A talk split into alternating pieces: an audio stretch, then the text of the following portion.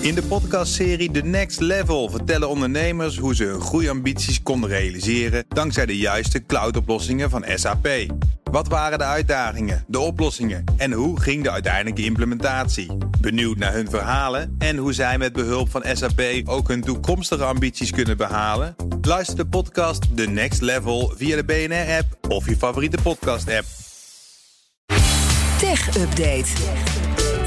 Conor Klerks is bij ons voor de tech-update. Persbureau Reuters heeft meer informatie over de groep... die achter de ransomware-aanval waarschijnlijk zit... Waarschijnlijk inderdaad. op Colonial Pipeline. Ja, de Het is Colonial... echt eh, een probleem, want de Amerikanen gaan er meer betalen aan de pomp. Ja, het is, eh, het is echt een heel groot probleem. De Nou. Colonial Pipeline is eh, de grootste brandstofpijplijn eh, van de VS. Eh, bijna 9000 kilometer lang van eh, de Amerikaanse golfstaten. Eh, via de oostkust eh, vervoert die brandstof naar het noorden.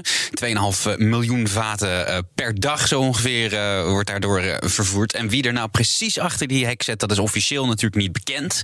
Maar eh, bij Reuters eh, hebben ze vanmorgen een vrij stukje geïnformeerde speculatie, zoals ik het zou noemen. Dat is wel interessant. Ze hebben namelijk uh, altijd wel goede bronnen. Ze hebben een voormalig official en twee bronnen uit het werkveld gesproken. En die zeggen dat het best waarschijnlijk is dat de groep Darkside bij die verdachte hoort in elk geval.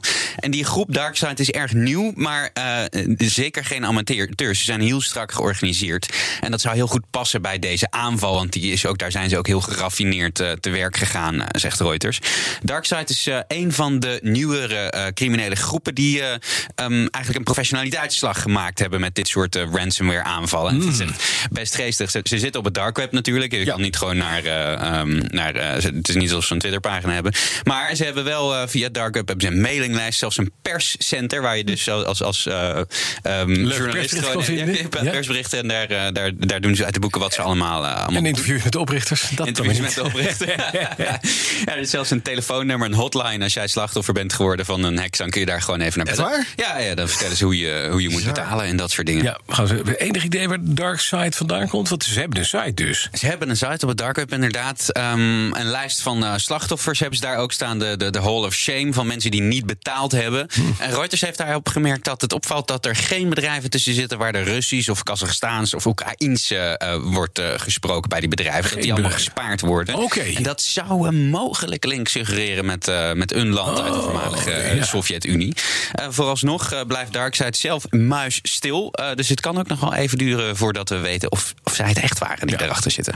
Nou, en dan nog iets anders. Net op, als het een beetje op zijn retour is, krijgt de audio-chat-app Clubhouse een eigen Android-versie. Ja, ja, het is de vraag of, of ze niet te laat zijn. Clubhouse begint nu met een, een beta-versie voor Android-gebruikers in Amerika. Het afgelopen jaar eh, was Clubhouse exclusief voor iPhone-gebruikers. En begin dit jaar ging het nog heel hard. Hadden ze bijna 10 miljoen downloads in februari.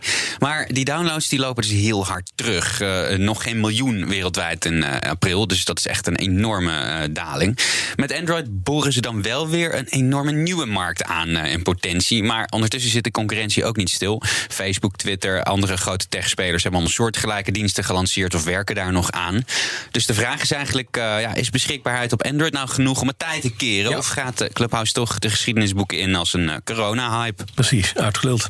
Over hypes gesproken. Elon Musk financiert een maanmissie met Dogecoin. Ja, dit is echt alsof je een stel willekeurige buzzwords eh, uit een hoge hoed hebt getrokken. Ja, en precies, ja. Zet, hè? Maar ja, goed, het, het, het, het schijnt echt zo te zijn. SpaceX, ruimtevaartbedrijf van Musk, gaat volgend jaar in het eerste kwartaal een satelliet naar de maan lanceren. En die zou dan volledig worden gefinancierd met de cryptomunt Dogecoin. Nou, die hele munt is een uit de hand gelopen grap, toch? Die Dogecoin. Ja, eigenlijk wel. eh, het is gebaseerd op een eh, oude populaire meme van een eh, Shiba Inu hondje. En het is eigenlijk anders dan de andere cryptomunten, omdat er ja, eigenlijk alle pretentie van de financiële wereld veranderen of onafhankelijk worden van centrale banken of overheden. Dat gaat voor Dogecoin niet op. Het is gewoon een geintje. Maar er gaat inmiddels wel echt dom veel geld in om. En de sa- satelliet die, die heet Doge One en die zal in het eerste kwartaal van volgend jaar aan boord van een SpaceX Falcon 9 raket worden gelanceerd. En de bedoeling van de missie is eh, met sensoren en camera's eh, informatie over de maan eh, ophalen. Hoeveel dit nou precies gaat kosten, dat is niet duidelijk. Maar eh, Musk bevestigt in elk geval dat het echt gaat gebeuren. Hij heeft op Twitter eh, de aankondiging ook gedeeld.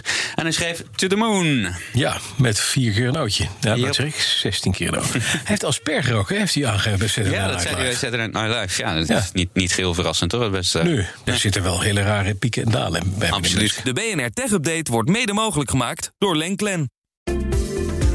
In de podcastserie The Next Level vertellen ondernemers hoe ze hun groeiambities konden realiseren dankzij de juiste cloudoplossingen van SAP. Wat waren de uitdagingen, de oplossingen en hoe ging de uiteindelijke implementatie? Benieuwd naar hun verhalen en hoe zij met behulp van SAP ook hun toekomstige ambities kunnen behalen? Luister de podcast The Next Level via de BNR-app of je favoriete podcast-app.